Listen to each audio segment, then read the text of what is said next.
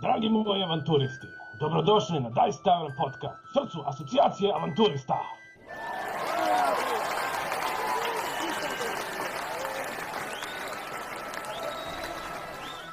Dobar dan i dobrodošli u četvrtu epizodu podcasta Dice Tavern koja priređuje asocijacija avanturista, a ekipa ljudi koja u Novom Sadu organizuje evente na kojima se može igrati najpopularnija FRP igra Dungeons and Dragons.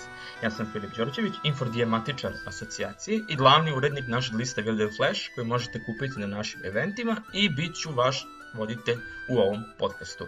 Pored mene, S vama je danas i naš vrhovni Dungeon Master Marko Radovanović, idejni tvorac asocijacije i moj ko-voditelj u ovom podcastu. Mare, čao. Ćao Filipe, pozdrav svim našim slušalcima i dragi avanturistima. Eto, dožive smo i tu četvrtu epizodu, očigledno valja. Da, ovaj da. posao koji radimo. Pa ćemo da nastavimo da ih zabavimo naravno s našim specijalnim gostima. Tako je, tako je. Na jednu smo od malog jubileja. O, Da. A danas je sa nama još jedan gostujući DM, što meni čini posle jako komplikovano, obzirom da moram da kažem Mare i da naznačim koji Mare je u pitanju. Marko Đorđević. Znači onako, ma, ma, Marko senior, Marko junior, tako pošto imamo neku mini razliku u godinama, pa znaš tako da se Ja kao Marko, Marko Junior se slažem Marko sa time. Junior. Eto, može. Pozdrav uh, Filipe, pozdrav Marko i pozdrav svim našim slušalcima isto. A, Mako Mare, kako, odnosno Mare juniore, kako je kod tebe, kako život, žena, deca, Eh, bootload i slično. pa sad Filipe, uh, možemo reći da se preživljava. Mada i znamo svi da je ovo doba sa koro, ovo doba korone loše za nas uh, D&D igrače naročito zato što ne možemo da igramo uživo toliko, a koliko sam i sam video niko ne voli online igranje. A, da, a dobro, to je nešto što je ovaj, prosto stvarnost danas da moramo da se, da moramo da se snažimo, što se kaže u virtualnom svetu, a ovaj... A, ajde se nadamo da će ovo se relativno skoro rešiti, pa možemo da se vratimo ono, soci, socija, socijalizovanom igranju, aj tako da kažem. Pa upravo tako, kako ja volim da kažem, bolje išta nego ništa, tako da bolje online igranje nego ne igranje uopšte. Tako je. Tako je. Um, da, ovaj podcast će, kao i što smo i do sada govorili, imati za cilj da vas upozna sa svim novinama u svetu D&D-a, kao i da komentarišemo dešavanja na našim eventima, tako da u narednim epizodama, pored već dvoje gostiju koje smo imali, možete očekivati i naše ostale Dungeon Mastere, a posle ćemo pozivati i naše igrače i druge saradnike. A, Pre nego što krenemo sa ovim podcastom, pozivamo vas da nas pratite na Facebooku i Instagramu. A, handle je asocijacija avanturista, sve malo spojeno. Kako biste bili u toku svim dešavanjima i planiranim eventima, a pored toga možete se pridružiti našem Discord serveru i sve linkove ćemo ostaviti u opisu našeg podcasta i na našim društvenim mrežama. A, prvi deo podcasta uvek je posvećen tim vestima, a, pa ćemo da i komentarima različitih novosti.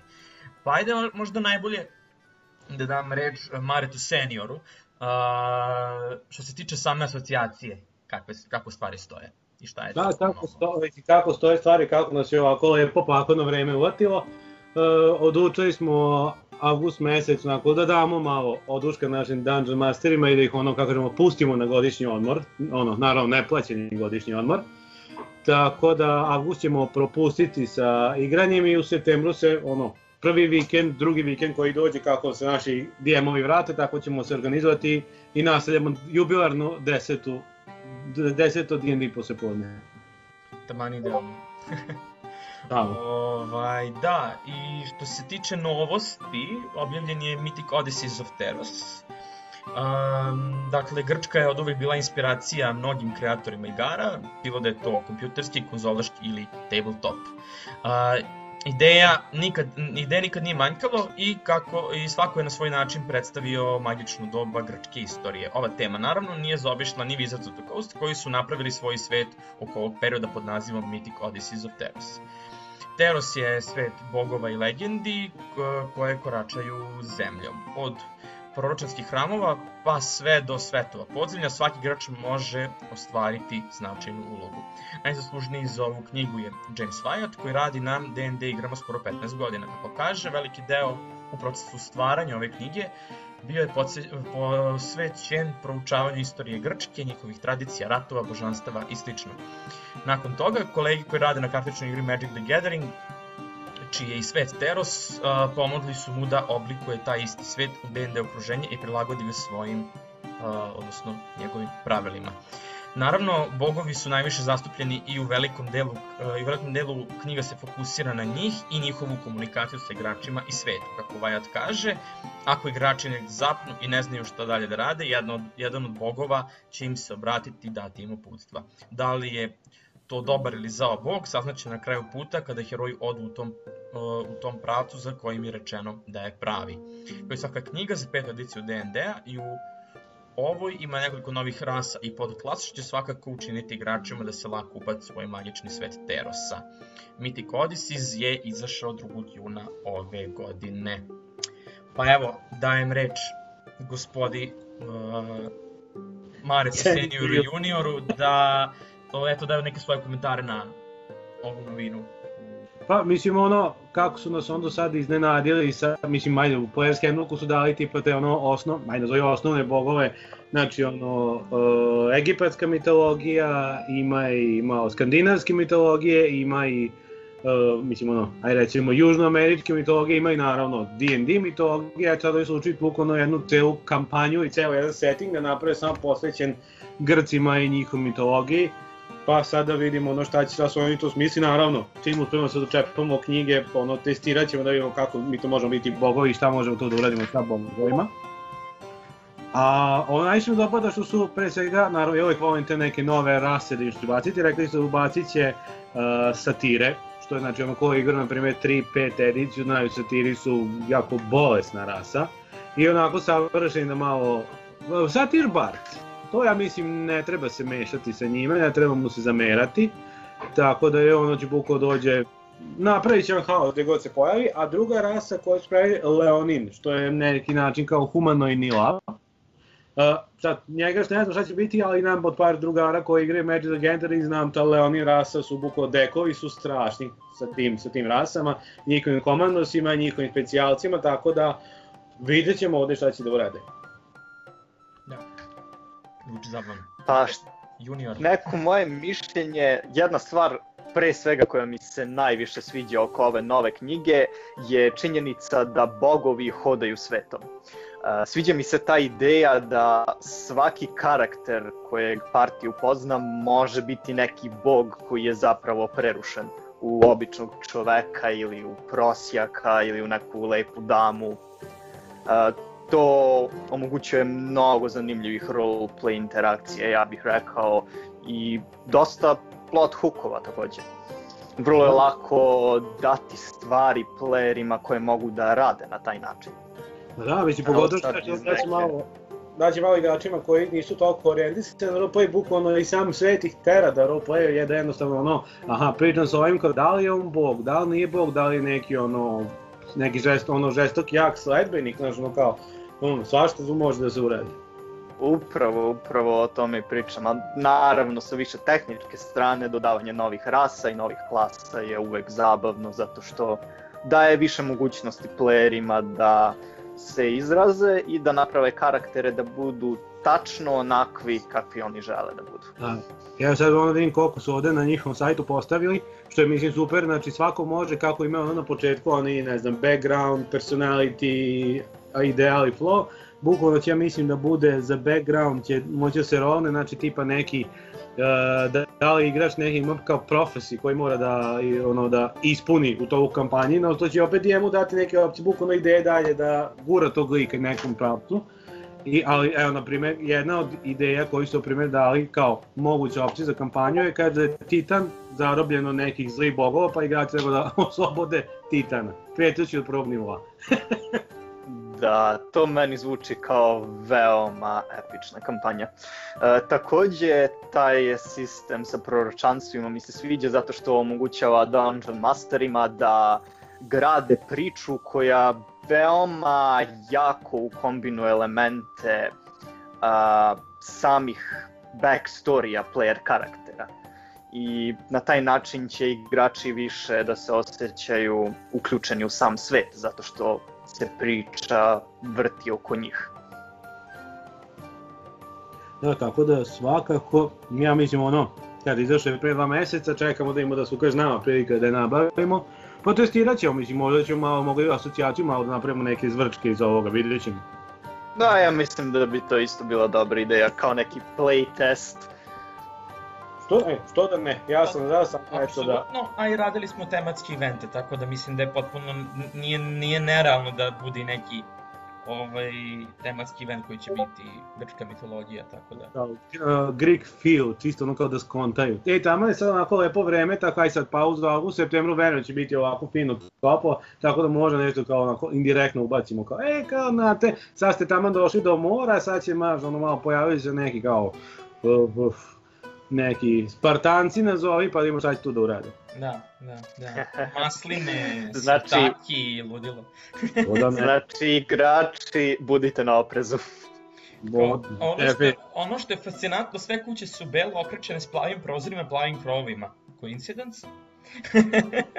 Ako morat ćemo onako na razdrasu, znaš, da pustimo onako ide neka ono, grčka muzika, onako ta To, to, to. me- mediteranska, ka- kao kad odeš na more pa kad čuješ samo te njihove, Da, ono, iz njihovih kafića muziku, pa ono, e, kao, nešto je kao čudno ovaj put, jel? da, da, da. Ali, ali, ali da bude Nemoj Mare previše da odajemo. ko- kombina, ne, kombinacija grčke mediteranske muzike i ambientalno šumovi mora. To je jako bitno, da se napravi ta kombinacija. Ako čuješ ono igra, i sad čuješ on poze, ono kao, kao šta je, sad? le, leželj, uh, suncebrani idu uz leželjke, džabe, principu. O, Ako svi gemovi za buku, onako tropski, znaš, ono kao, ajde, neću baš havajske košulje, ali ono, ma, naravno, obavezno majice sa simbolima, gr, ono, grčih ratnika, spartanca i slično, eto, nalazi sunce, ono, japanke, papuče, šorci, eto, da mi došli da vodimo sunce. Pogodite temu. Kao, kako dobra brainstorming Da. sesija zapravo ovo je ispalo tako random ovaj, za ideje za, za event. Kao, Eto. eto. eto, ko nas sluša, uh, insajderske informacije ste dobili zabavne, tako da...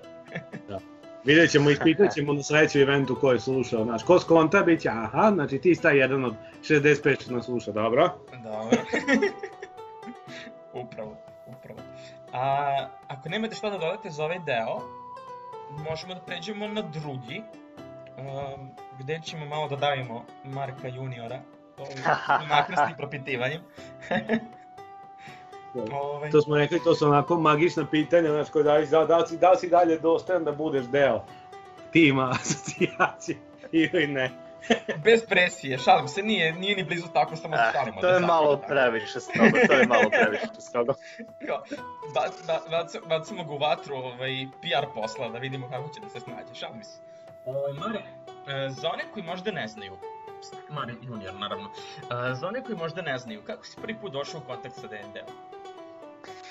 Uh, ja sam zapravo prvi put došao u kontakt sa D&D-om uh, negde pri početku srednje škole uh, i to preko YouTube-a. Uh, znao sam da su te igre kao što je Dungeons and Dragons postojale uh, još od pre, ali nisam znao tačno kako rade, niti kako uopšte izgleda igranje samih igara. I onda čistom slučajnošću, brauzujući YouTube, sam naišao na snimke neke ekipe koja igra D&D. E, Ne mogu tačno da se setim koja je bila u to vreme, ali to me je zainteresovalo veoma i onda sam gledao još snimaka i eventualno sam hteo ja da probam da igram uživo, da vidim kako to izgleda. E, sada za one koji ne znaju, ja sam iz grada Požarevca i u to vreme tamo nije postojala ni jedna ekipa koja igra D&D, barem ne one koje sam ja znao.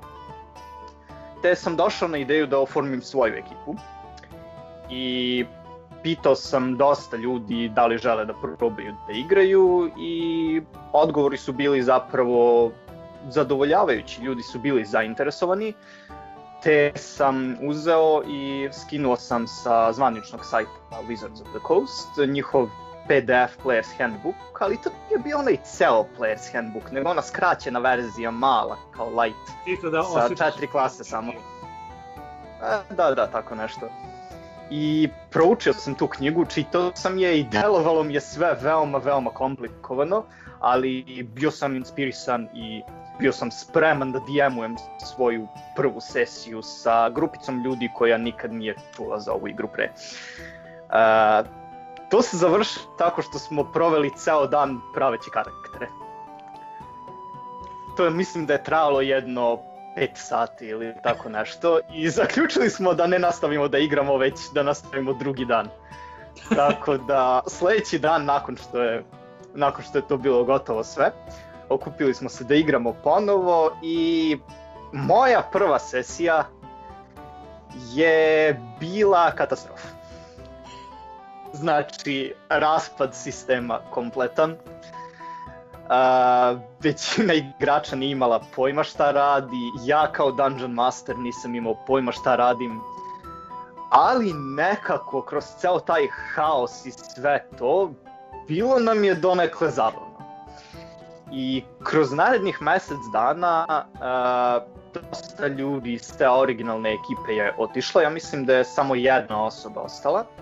I kasnije sam našao još nekoliko ljudi i eventualno sam se skrasio sa ekipom od još četvorice playera.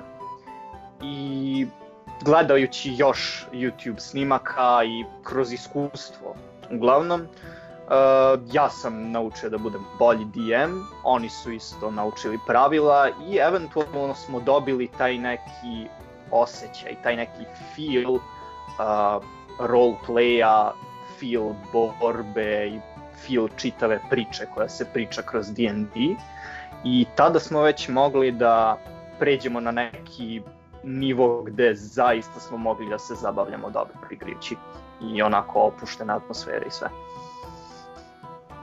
Tako da, da, to su, to su neki moji početci. Ajde, da pošto si odgovorio, mi tehnički već odgovorili si na moja ono sajt pitanja, ja ću malo da improvizujem.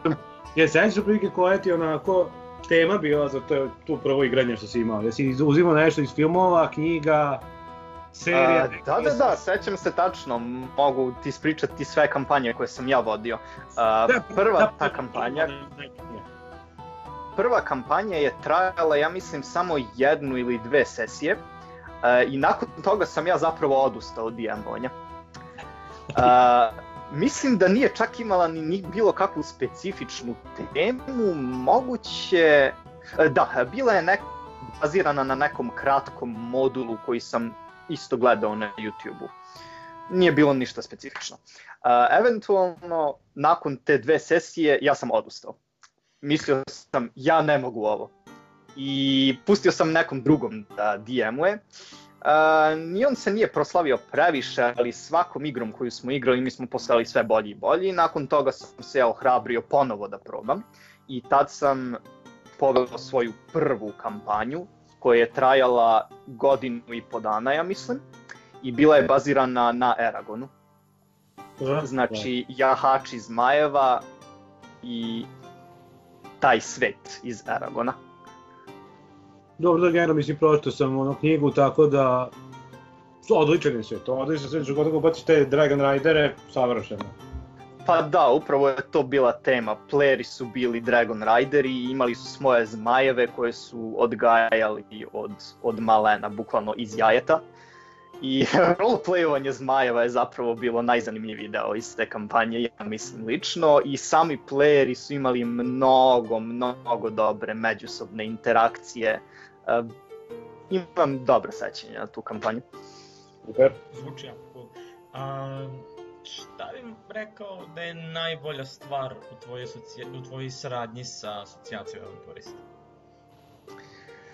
Pa definitivno to što kao asocijacija avanturista uh, dosta ljudi može da čuje za nas. Ljudi koji možda pre nisu čuli za D&D ili još bitnije ljudi koji su čuli za D&D ali bi hteli da probaju ali nemaju neku ekipu. I onda kada takvi ljudi čuju za nas, oni mogu da dođu na naše eventove i da probaju da igraju sa iskusnim ljudima, sa iskusnim dungeon masterima i mislim da je to neki najbolji deo a, te saradnje zato što ja kroz asocijaciju avanturista a, širim pa D&D okolo. Da, to je u suštini bila ideja, mislim, generalno za sve ovo, tako da, to je super. Da. E sad, pitanje smo, ajde, nisi odgovorio na moje pitanje, tako da sad mogu lepo da te pitam.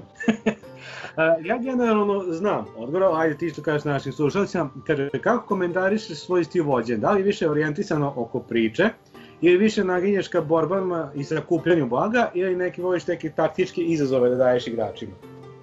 e, moj DMing style, e sad ovo je zanimljivo, svaki Dungeon Master ima neki baš specifičan stil. E, moj stil se dosta svodi na misteriju, a, priču, fokusovanje na priču i roleplay.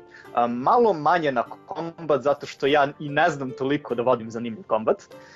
Uh, do duše znam jednog Dungeon Mastera koji fenomenalan kombat vodi, uživanje igrati u njegovim sesijama, ali ja, ja sam više fokusovan na priču, roleplay i veoma, veoma volim elemente misterije.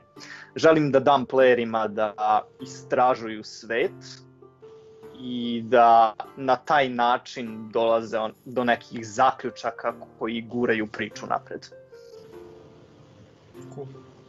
Um, da li misliš da mačevanje plus magija, ako tako možemo da kažemo, treba da bude najpopularniji setting za D&D svet, ili se tu može malo više eksperimentisati sa žanrima tipa da budu špijunske priče, horori, misterije, a nekako se čini da je srednji vek i evropska renesansa najviše uticaja imaju. Mislim, ti se već nagovestio da voliš misteriju, tako da Kako je tvoje viđenje? Pa da, mislim da Sword and Sorcery, to jest eh, mačevanje i magije, je definitivno naj, eh, najrasprostranjeniji setting u D&D-u i to je i razumljivo zbog, na primer, eh, gospodara prstenova i takvih dela koje su iz početka inspirisale Dungeons and Dragons, a one su stavljene u tom settingu. Mada, ja mislim da Dungeons and Dragons kao sistem je poprilično širok i može se primeniti na dosta settinga. Ja sam lično a, držao nešto malo horror settinga, u tom nije bio baš najbolji sistem, mislim da je Call of Cthulhu tu bolji, ali držao sam i futurističke i moderne kampanje. To su više bili one shotovi, ali to je radilo kako treba bile su zabavne. Tako da smatram da je eksperimentisanje dobra stvar. Da, jer uvijek neko, znači uvijek neko će ima neku svoju ideju i ono ostaješ u otvorenu opciju pa sad probaj, pa vidi, možda da legne, možda ne, ali ajde većiniška slučajeva legne ima izuzetaka, ali većina su ok. Upravo, upravo.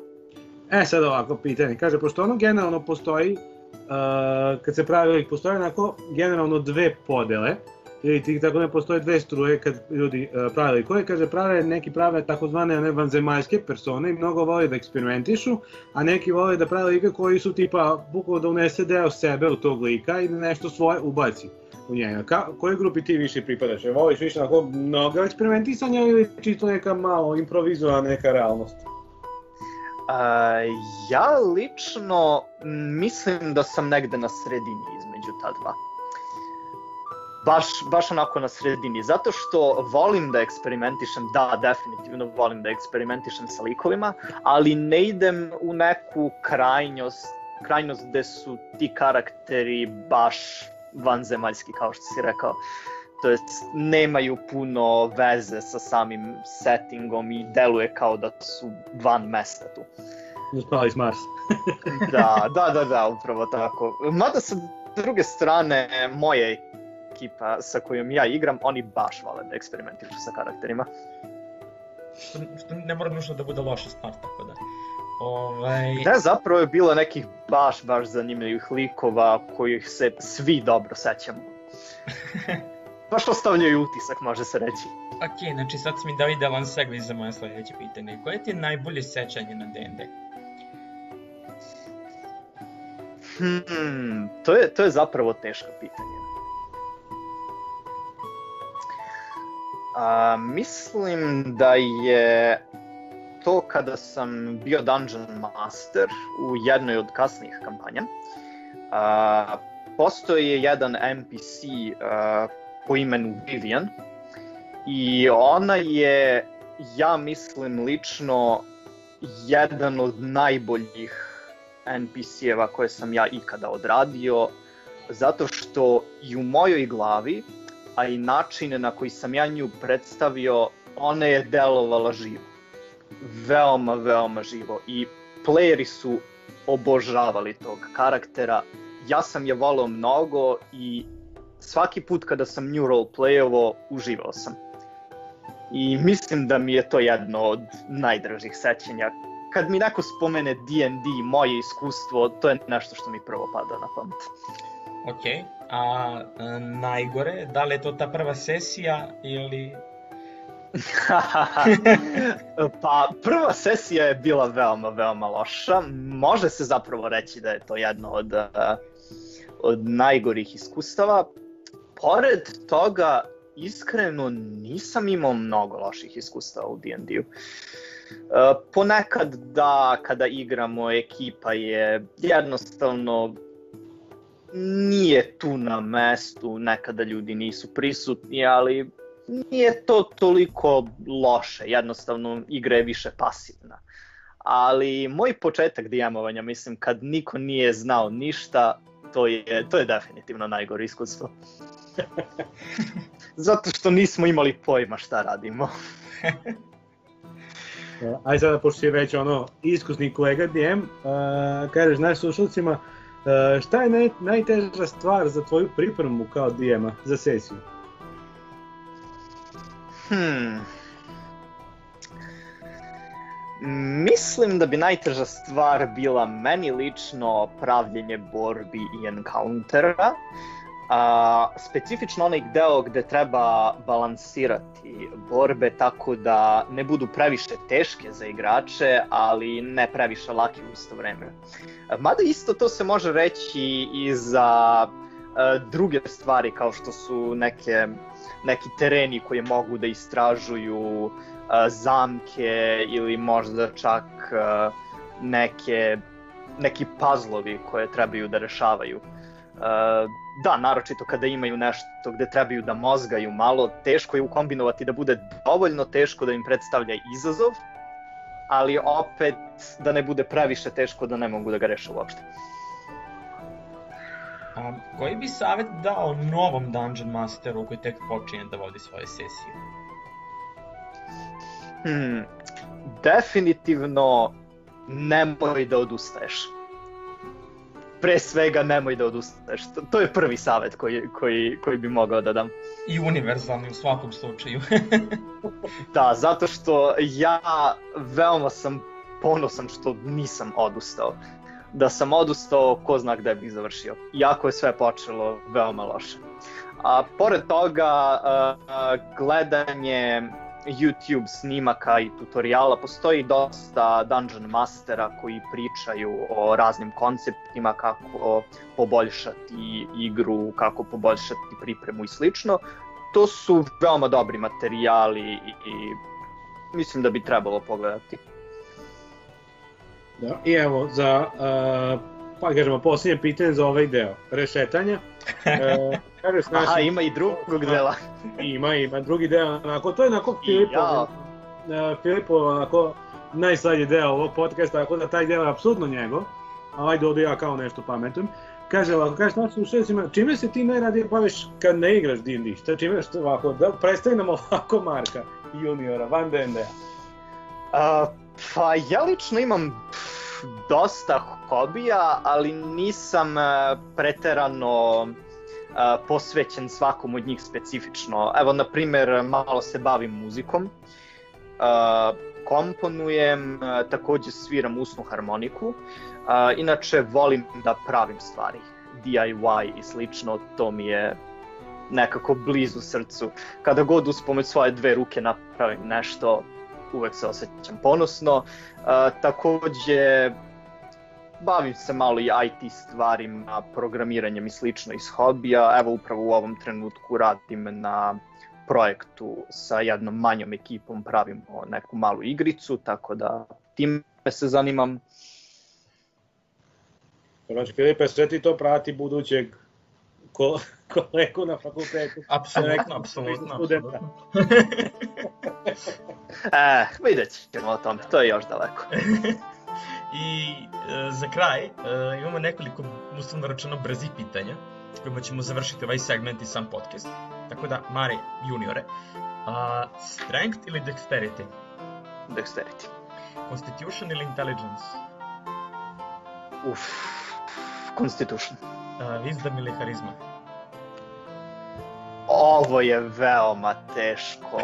Volim da igram karaktere i koji imaju veliki wisdom i koji imaju ve veliku karizmu, ali to su ono dve različite strane i volim jednu i drugu. Ali ne između, nikako između. Ili jedno ili drugo. Pa ko je onda? Ah, neka bude harizma. harizma, okej. D6 ili D20? D20. Roll za startovi ili standard points array? Mm. Uvek standard points array. Za koji stat loviš najveći modifier? Ma nisam da smo to već čuli, ali kao, ajde. Pa dexterity. Dexterity, okej. Hit poeni, gold ili AC? Hmm. AC. Uh, good, neutral ili evil? Neutral. Uvek. Lawful neutral, neutral neutral ili chaotic neutral? Uvek chaotic neutral, a ponekad i neutral neutral. Ali chaotic. chaotic je najzabavniji. Barbarian ili fighter? Barbarian. Ranger ili rogue? Uh, uf, rogue. Paladin ili cleric? Cleric. Wizard ili warlock? Mm, Warlock. Sorcerer ili bard? Uvek sorcerer. To je moja Druid. omiljena klasa. Druid ili monk? Monk. Dobro, ovo smo čuli naj, najbolja klasa Sorcerer. Ovaj, igrač rola crit, tvoja reakcija. Uf. You slice him open. E, igrač rola fumble, tvoja reakcija. Hmm. Kako udaraš u štit od neprijatelja, možeš da vidiš kako ti mač ispada iz ruke i tačno tako odleti da se zabode 10 fita od tebe. Dobro. A kako bi nazvao svoju tavernu u D&D-u? Hmm.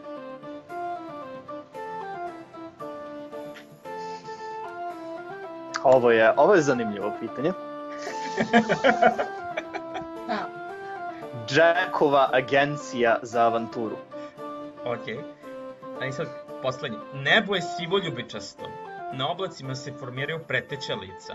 Uz to, mladi bledi sorcerer te oprezno posmatra sa vrha razrušene kule obavijene brštenima. Šta radiš? Hmm. Utrčim u kulu. Što je brže moguće. O, o, najveće mi što su ova, zadnja, ova, ova posljednja dva pitanja, uh, ili je odgovor isti ili su odgovori potpuno različiti, što je ovaj, ali u ovoj situaciji imali smo sve potpuno različite, tako da je super. Uh, Mare senior, neki komentar? Pred krajem? Pa, mislim, ono kako bih rekao, uh, sa svim ovim silnim odgovorima, mislim, Marko ne zaslužuje i dalje da bude naš Dungeon Master, tako da, ono, nećemo, nećemo sledećeg ispitanika ili ispitanicu kako će da se pokaže. Oj, ništa, to je bilo to. Hvala vam svima što ste nas slušali. Nadamo se da vam se dopao ovaj naš podcast. I ako imate nekih pitanja ili predloge za teme o kojima bismo mogli da pričamo u narednim epizodama, možete napisati na društvenim mrežama, putem Facebooka ili Instagrama ili na našem Discord serveru. Do sledećeg slušanja, rolajte kritove. Pozdrav! Pozdrav svima.